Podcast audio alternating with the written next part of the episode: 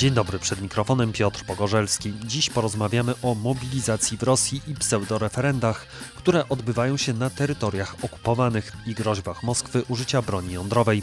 Przypominam, że mój podcast można wesprzeć finansowo na Patronite, zrzutce i w serwisie Buy Coffee. Tym razem dziękuję szczególnie Michałowi i Arkowi, którzy właśnie rozpoczęli bądź przedłużyli subskrypcję. Zachęcam do śledzenia profili Po prostu Wschód na Instagramie i na Facebooku oraz mojego prywatnego na Twitterze, a także słuchania muzyki w Radiu Wschód na Spotify. Прямую до вежі, так ніби турист, хоча там бувала не раз. Згадаю дитинства свого халабуду, бо зовсім інакше вона у цей час далі порт. Там люди з робіт безтурботчі, додому кавун, чи то квіти і торт. Потім постріли спильні з боку й в упору. Окупація міста і незламний пот. Потім відстані, відстані, крики і смерть, далі вибухи, пожежі, й морок. Маріуполь, це Україна. Ми повернемось скоро. Я з потягу через перони, пішки пройдуся до моря, а в парках шумітимуть крони, а з храму Петра гучно дзвонять, там діти козацького роду, там сповнений вірою поля, місто моє Маріуполь, ти чуєш я поряд, і потягу через перони. Łączymy się z Brukselą, gdzie jest mój gość Robert Pszczel, były dyrektor Biura Informacji NATO w Moskwie, obecnie w Fundacji imienia Kazimierza Pułaskiego. Dzień dobry. Dzień dobry. Gdy rozmawiamy, trwają jeszcze tak zwane referenda na okupowanych terytoriach. Kijów mówi, że w sensie wojskowym nie wpłyną one na przebieg wojny. Moskwa zapowiada jednak, że po aneksji będzie ich bronić, czyli tych terytoriów jak własnych. Na ile Pana zdaniem te groźby są realne? Czy rzeczywiście referenda coś zmieniają w przebiegu działań wojennych? No taka jest e, intencja e, Putina i jego ludzi. Znaczy, po pierwsze, to ja bym nie nazywał tej operacji informacyjno-propagandowej e, referendum. To nawet, nawet nie jest udawane referendum. To wszystko się odbywa po pierwsze pod lufami karabinów, a po drugie to nawet nie wiadomo, kto to będzie. Znaczy, wiadomo, kto to będzie liczył, czy kto będzie podawał wyniki.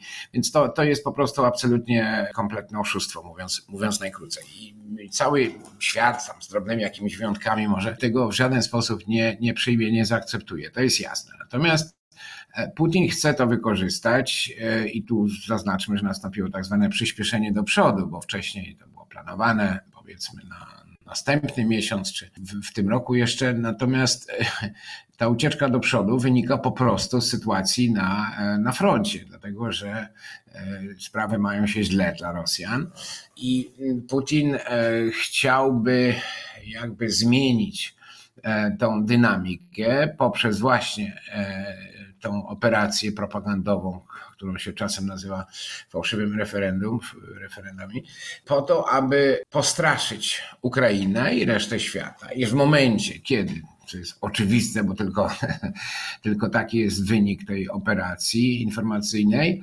Terytoria, które ewidentnie są częścią Ukrainy, miałyby zostać de facto wchłonięte przez Federację Rosyjską i tym samym zostałyby objęte gwarancjami bezpieczeństwa, łącznie rzeczywiście z, teoretycznie z, z, z użyciem nawet broni jądrowej, bo tak stanowi doktryna rosyjska, która mówi, że Rosja mogłaby użyć broni jądrowej, na przykład w przypadku, gdyby zostało zagrożone bezpieczeństwo, integralność terytorialna. To jest oczywiście szyte bardzo grubymi nićmi, natomiast ja nie sądzę i większość osób też podziela to zdanie, aby sama ta operacja propagandowa mogła coś zmienić. Dodajmy zresztą tego, że jeśli chodzi nawet o aspekty propagandowe, to w odróżnieniu nawet od sytuacji jeszcze sprzed powiedzmy miesiąca, to duża część tych terytoriów, które Rosja będzie udawała, że wciela do swoje, jako część swojego terytorium,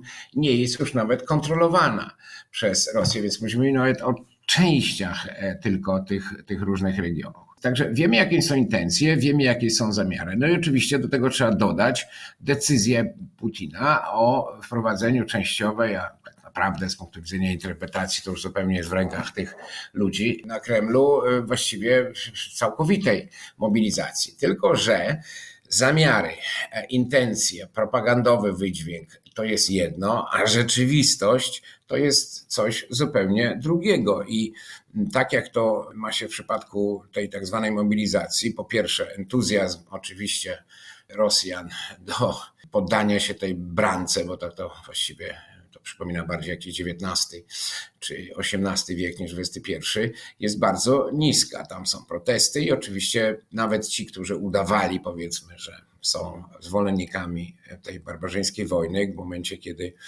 ktoś zastukał do ich drzwi albo gdzieś tam, jak to się dzieje, dosłownie wyrywał ich z pracy, czy nawet ze szpitali, już różne tam się rzeczy dzieją, e, to oczywiście wtedy się okazuje, że wcale takiej ochoty pójść na wojnę nie ma. Głównym powodem jest przede wszystkim to, że jak wyliczają eksperci, szanse, że z tej wojny nie wróci, są mniej więcej w przedziale od 30 do 50%. E, bo takie są właściwie, można powiedzieć, straty, które Rosja już na tej wojnie poniosła.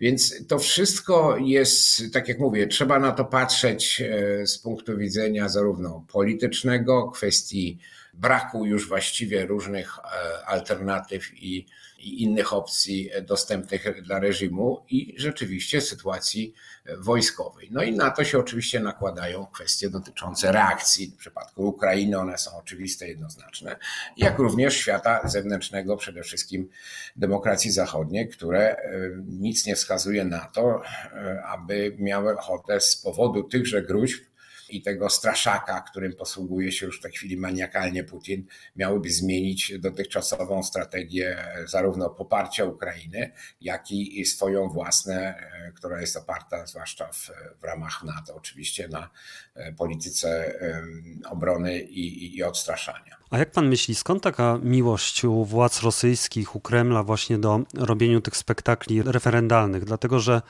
w 2014 roku mieliśmy trzy takie tak zwane referenda na Krymie i w Zagłębiu Donieckim. Też właściwie nikt ich nie uznał i wydaje się, że jedynym chyba celem tego rodzaju przedstawień jest nakręcenie fajnych materiałów przez rosyjską telewizję, gdzie ona może pokazać, że ludzie masowo przychodzą i oddają głosy. No, ja bym się doszukiwał źródeł, jak pan nazwał, takiego przywiązania do tego typu dziwnych e, rozwiązań, nawet w czasach minionych, no bo Putin i duża część jego ludzi, niezależnie od wieku, w jakimś sensie czują się wręcz spadkobiercami prawda, Związku Radzieckiego, tego imperium dużego, które przypomnijmy stosowało podobne metody, no przecież przy okazji aneksji po brutalnej prawda, inwazji, czy to państw bałtyckich, czy innych krajów, często odbywały się różnego rodzaju referenda, które wszystkie były oszukane i, i nie miały nic wspólnego z jakimkolwiek procesem demokratycznym. Natomiast tu jest pewna ciągłość, jeśli tak można powiedzieć. Zarówno Związek Radziecki, jak i obecna Rosja pod rządami Putina e, no, deklaruje takie przywiązanie do takiej udawanej e, e, legalności. To znaczy, zawsze gdzieś tam musi być ten przysłowiowy prawda, listek figowy na użytek przede wszystkim propagandowy, a potem to się powiela na różne sposoby w swojej komunikacji, przede wszystkim z własnym społeczeństwem. I nawet jeśli świat zewnętrzny, tak jak wspomniałem, nie mówiąc już o ofiarach tego typu aneksji, po których następuje e, jakieś tam właśnie pseudoreferenda czy, czy plebiscyty, to przy tej skali e, ogłupienia społeczeństwa, e, prania mózgu, które przecież postępuje od wielu lat w Rosji. Była w sumie tylko krótka przerwa w okresie, kiedy prezydentem był Jelcyn to pewne efekty to przynosi w tym sensie, że ludzie jakby, jeśli ludzie generalnie w Rosji, większość społeczeństwa traktuje wszystkie informacje, które są certyfikowane przez Kreml jako no, przez definicję słuszne i naukowe, no to dlaczego mieliby nawet zakwestionować tego typu referendum? Tylko, że różnica pomiędzy takimi znowu założeniami, nawet bym powiedział autokratycznymi, imperialnymi tradycjami, kiedyś, jeszcze niedawno, a dzisiaj polega na tym, że jednak rzeczywistość ma to do siebie, że jej nie da się zakłamać w momencie, kiedy dotyka bezpośrednio całe mm, ogromne rzesze społeczeństwa. I to jest ten przypadek dotyczący chociażby mobilizacji. Więc nagle się okazało, że Rosjanie, ja rozmawiałem niedawno z mm, kilkoma przedstawicielami takich niezależnych mediów rosyjskich, które funkcjonują no de facto poza granicami Rosji, ale nadają dla czy, czy, czy publikują i tak dalej, dla, dla jednak widowni powiedzmy rosyjskiej, to w ciągu ostatnich tygodni nastąpił ogromny wzrost zainteresowania prawda, ich programami, no bo jednak ludzie w momencie, kiedy rzecz dotyczy ich no, spraw egzystencjalnych, tak notabene było zupełnie niezwiązany temat parę lat temu, kiedy mm, reżim próbował zmienić prawda, wiek emerytalny. To doprowadziło do, do, do ogromnych, że tak powiem, niechęci i protestów i, i, i musieli się częściowo w dużym stopniu z tego wycofać.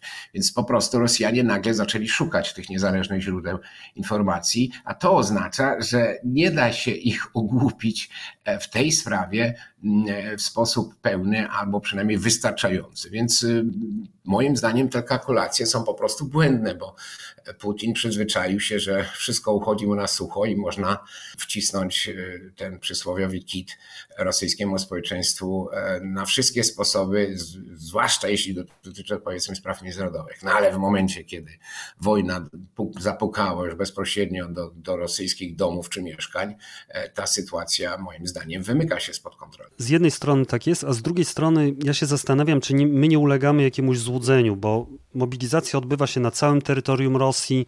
Jest dużo filmów pokazujących protesty, filmów, gdzie widać zachowania poborowych, którzy po prostu właściwie przychodzą na komisję albo wychodzą już pijani ale może to pokazuje nam tylko te najbardziej drastyczne przypadki, a tak naprawdę, nie wiem, w 90% wszystko odbywa się normalnie. Ja zgadzam się z Panem, że i, i, i, też, też sam to postuluję, że należy zachować pewien jak gdyby umiar w poddawaniu się takiemu, no powiedzmy otwarcie optymizmowi, tak, bo przecież to jest to, czego chcemy, żeby po, po prostu te operacje różnego typu prowadzone przez reżim Putina się po prostu nie udały. Należy zachować pewien umiar z tych powodów, o których Pan wspomniał. Rzeczywiście dane, z, że tak powiem, liczą się w końcu jak gdyby statystyczne, więc jeśli taką operację się na tak wielką skalę przeprowadza, no to należy założyć, że oczywiście jakaś spora część tych osób e, zostanie faktycznie wcielona do sił zbrojnych e, i w ten sposób zwiększy jak gdyby potencjał e, rosyjski kontynuowania tej wojny, bo taki jest, to jest główna właściwie wymowa i największa tragedia, można powiedzieć, decyzji Putina, że on tym samym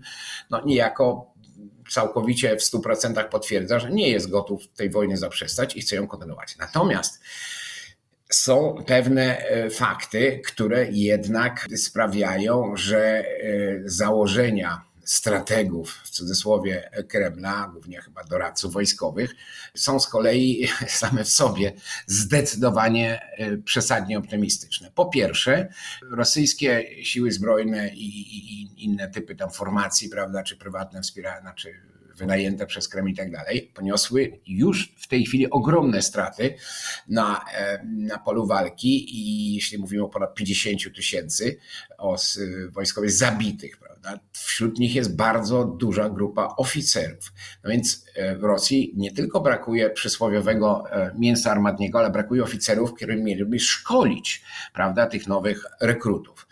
Rosji brakuje sprzętu, Owszem, potencjał rosyjskiego przemysłu jest dosyć duży, to jest jasne i na pewno wszystkie kroki są podejmowane, żeby ta produkcja, e, że tak powiem, była zintensyfikowana, ale nie zapomnijmy, że jak się okazało, bardzo wiele e, różnych elementów, zwłaszcza tych bardziej skomplikowanych, wymagających elementów systemów skowych, e, no jednak musiało wykorzystywać tutaj części, elementy sprowadzone, krótko mówiąc, z zachodu, z, z zewnątrz. I nie jest wcale tak łatwo zastąpić je. Trzecia sprawa, no jednak e, ogromne liczby młodych Rosjan w tym wieku, tak zwanym poborowym, które szturmują granice, pewien paradoks, na przykład Gruzja, kraj, który Rosja najechała naście lat temu, w tej chwili jest, jest e, oblegana wręcz można powiedzieć przez Rosjan. Więc to pokazuje, że jakby na razie to, to chyba więcej osób z Rosji uciekło, dopóki mogą, bo mówi się o tym, że będą zamknięte granice,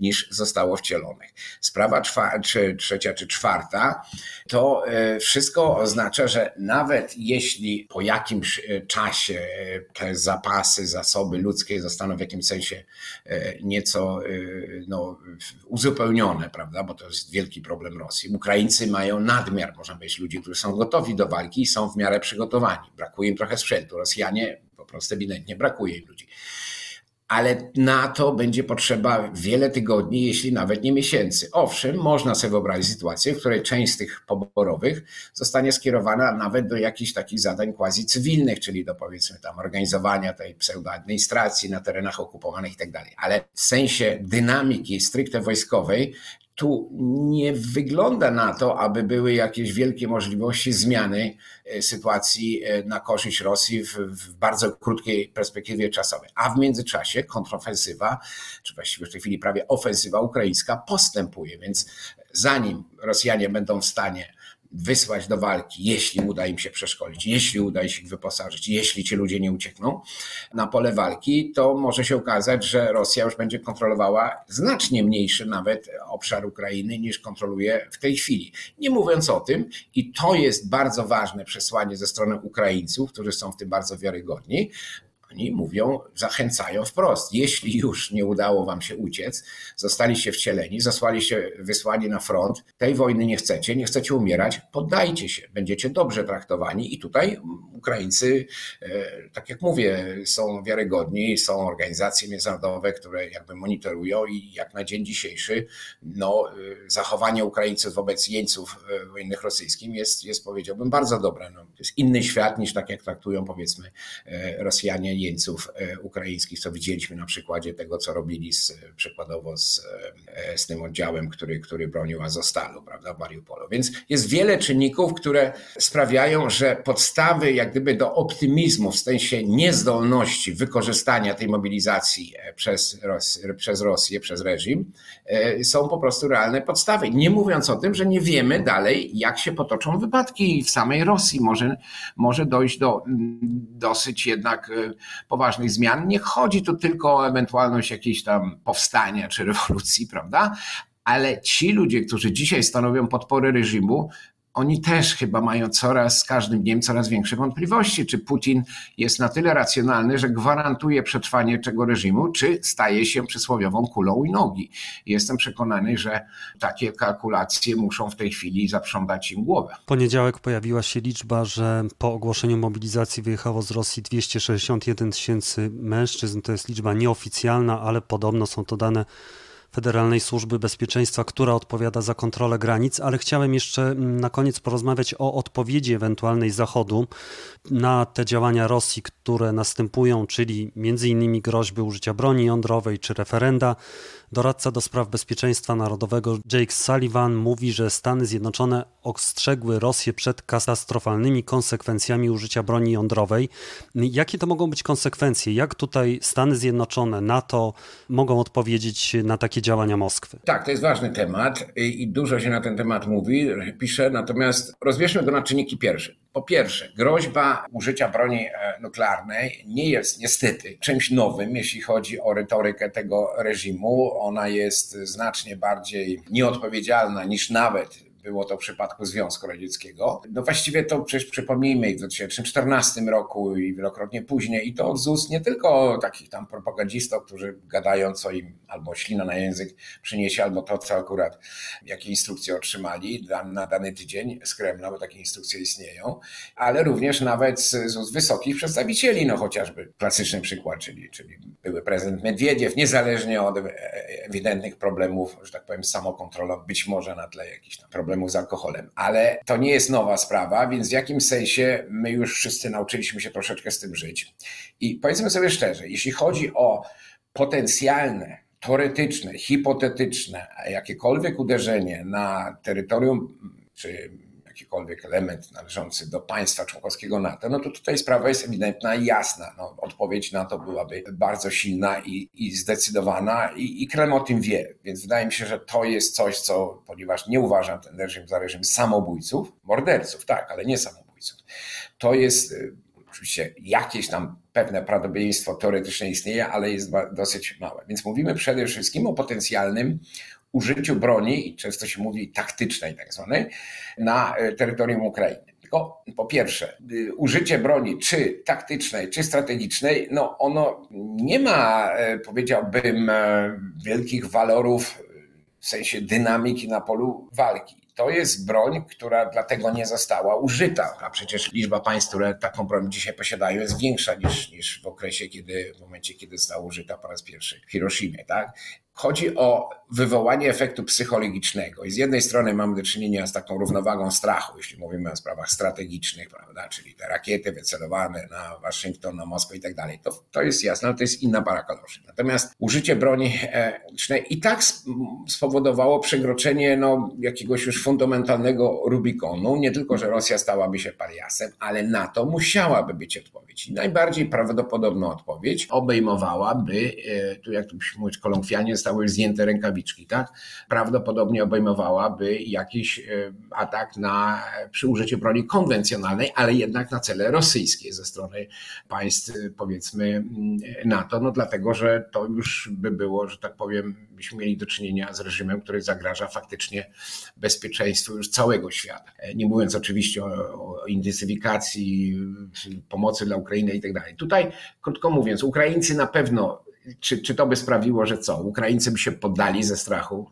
Nie ma ku temu żadnych, prawda, przesłanek. Nie mówiąc o tym, że już tak to jest świat troszkę, no, nie cyniczny, ale bardzo taki pragmatyczny do bólu. No, były robione przecież różne ekspertyzy, bo tak naprawdę NATO, czy nigdy nie zastanawiało się nad używaniem broni w ogóle e, nuklearnej, broni taktycznej, e, bo ona po prostu nie ma, jak, jak mówię, wielkiego sensu stricte wojskowego. Wszystko opiera się w gruncie rzeczy na, na wywołaniu tego efektu, e, prawda, strachu i zmuszenia przeciwnika do zaniechania pewnych działań albo wręcz do poddania się. Ale w obecnej sytuacji, w jakiej jest Rosja, wydaje mi się, że byłby to krok e, nie tylko właściwie samobójczy, ale po prostu bardzo niemądry, bo efektów by nie osiągnął, a zmieniłby bardzo dużo i tak już bardzo trudnej sytuacji. Także reasumując, to jest sprawa. I w tej kwestii zostały przekazane posłania. Nie wszystkie były publicznie. Oczywiście słyszeliśmy prezydenta Bidena, który o tym mówił publicznie, bo to też czasem trzeba zrobić,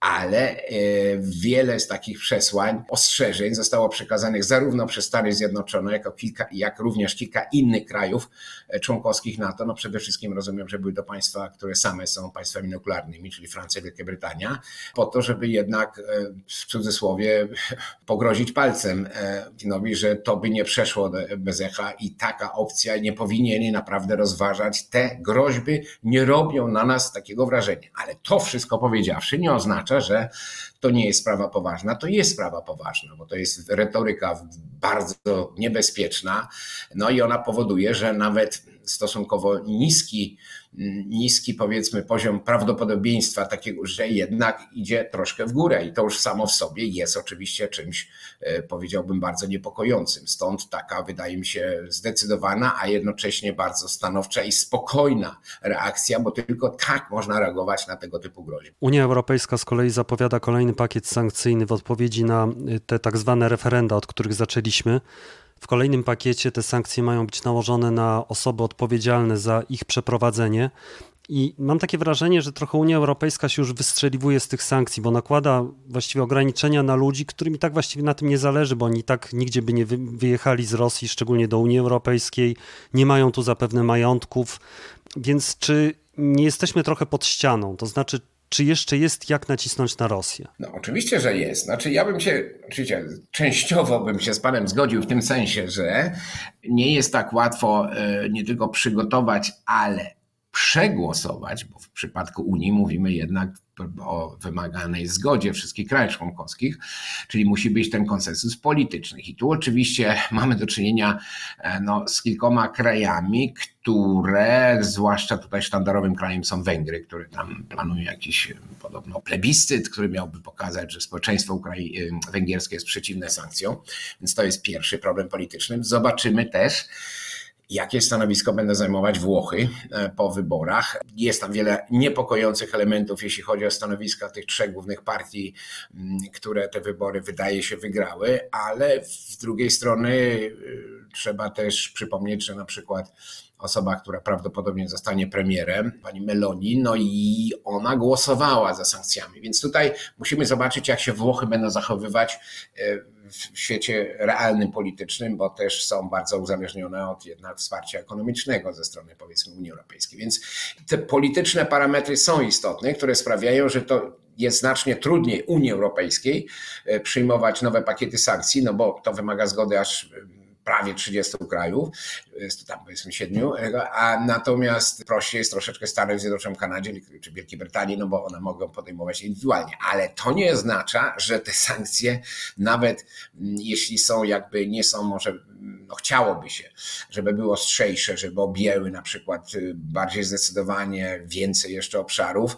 Y, one mają znaczenie, one przynoszą efekty, one nie są tak szybkie, jak, jak może by się chciało, ale, ale to, są, to, to one znakomicie ograniczają możliwości działania tego reżimu. E, co do tych osób, o których Pan wspomniał, wie Pan, to też nie jest taka bagatelna sprawa. Ja na przykład uważam, że to, co od dłuższego czasu proponuje Nawalny, czyli no, zna, znaczące zwiększenie tej liczby, tam jest lista jakichś tam ponad 4 tysięcy osób, to ma duży sens, bo nie zapominajmy z punktu widzenia wydźwięku propagandowego dla reżimu, no to jednak fakt, że wiele osób, które są są, nie wiem, członków dumy czy ich rodzin, prawda, które gdzieś tam sobie spokojnie funkcjonują, jeżdżą na wczasy i tak dalej, to jest niedopuszczalne i to powinno zostać ukrócone, bo również chodzi o sprawienie, żeby ludzie, którzy, tak jak wspomniałem, w innym kontekście są dzisiaj podporą reżimu, żeby mieli świadomość, że dalsze prowadzenie tej wojny będzie uderzać w nich i to w szerokim zakresie, bez wyjątków, bardzo mocno. No bo nie jest tak, że, że, że, że wszyscy z nich, e, czy nawet większość wbrew pozorom, chciałaby umierać, chciałaby tracić swoje fortuny, chciałaby w cudzysłowie jeździć na wczasy gdzieś tam e, na Syberię. Więc to wszystko ma znaczenie. Jest jeszcze jedna sprawa, którą uważam za bardzo istotną. Ona nie jest prosta ze względów formalno-prawnych, ale może by była w jakimś sensie ważniejsza od samego no, nowych pakietów sankcji, jeśli mówimy o Unii Europejskiej. To jest kwestia, czy nie dałoby się jednak szybciej przekazać po prostu, to jest najbardziej logiczny krok, te zamrożone aktywa, które zostały właśnie zajęte niejako e, przez państwa Unii Europejskiej na podstawie wcześniejszych decyzji i po prostu przekazać je w formie, mówię o aktywach rosyjskich, e, na przykład oligarchów, ale nie tylko, na potrzeby Ukrainy. No bo też dlaczego właściwie podatnicy europejscy mieliby tylko pokrywać koszty, skoro, e, skoro przecież jest państwo odpowiedzialne za tę wojnę i jej aktywa zostały zamrożone i powinny być, prawda, przekazane państwu ofierze, czyli Ukrainie. I to jest też mm, kwestia, którą ja na przykład chciałbym widzieć, że Unia Europejska jakby więcej czasu e, poświęca tej kwestii, jak również w ogóle nawet zacieśnieniu, czy jeśli mówimy o implementacji tych sankcji, które zostały przyjęte, no bo przyjęte już wcześniej, no bo wiemy, że są różnego rodzaju derogacje, są pewne problemy z implementacją, bo gdzieś tam e, system nie jest szczelny, więc tu, są, tu drzemią jeszcze duże możliwości i ja bym w żaden sposób nie, jakby nie, nie podważał znaczenia tych sankcji, zarówno tych, które zostały przyjęte, jak i tych nowych, a rzeczywisty efekt widzimy już dzisiaj, jeśli mówimy o gospodarce rosyjskiej, tam jest ogromna dziura w budżecie, budżecie i po prostu to są bardzo ciężkie chwile i dobrze dla firm rosyjskich, dla e, społeczeństwa, jest kwestia już rosnącego bezrobocia i tak dalej, i tak dalej. Ta wojna musi kosztować Rosję i sankcje są jednym ze sposobów, aby, e, aby to osiągnąć. Prosto z Brukseli Robert Pszczel, były dyrektor Biura Informacji NATO w Moskwie, obecnie w Fundacji imienia Kazimierza Pułaskiego. Bardzo dziękuję. Dziękuję bardzo.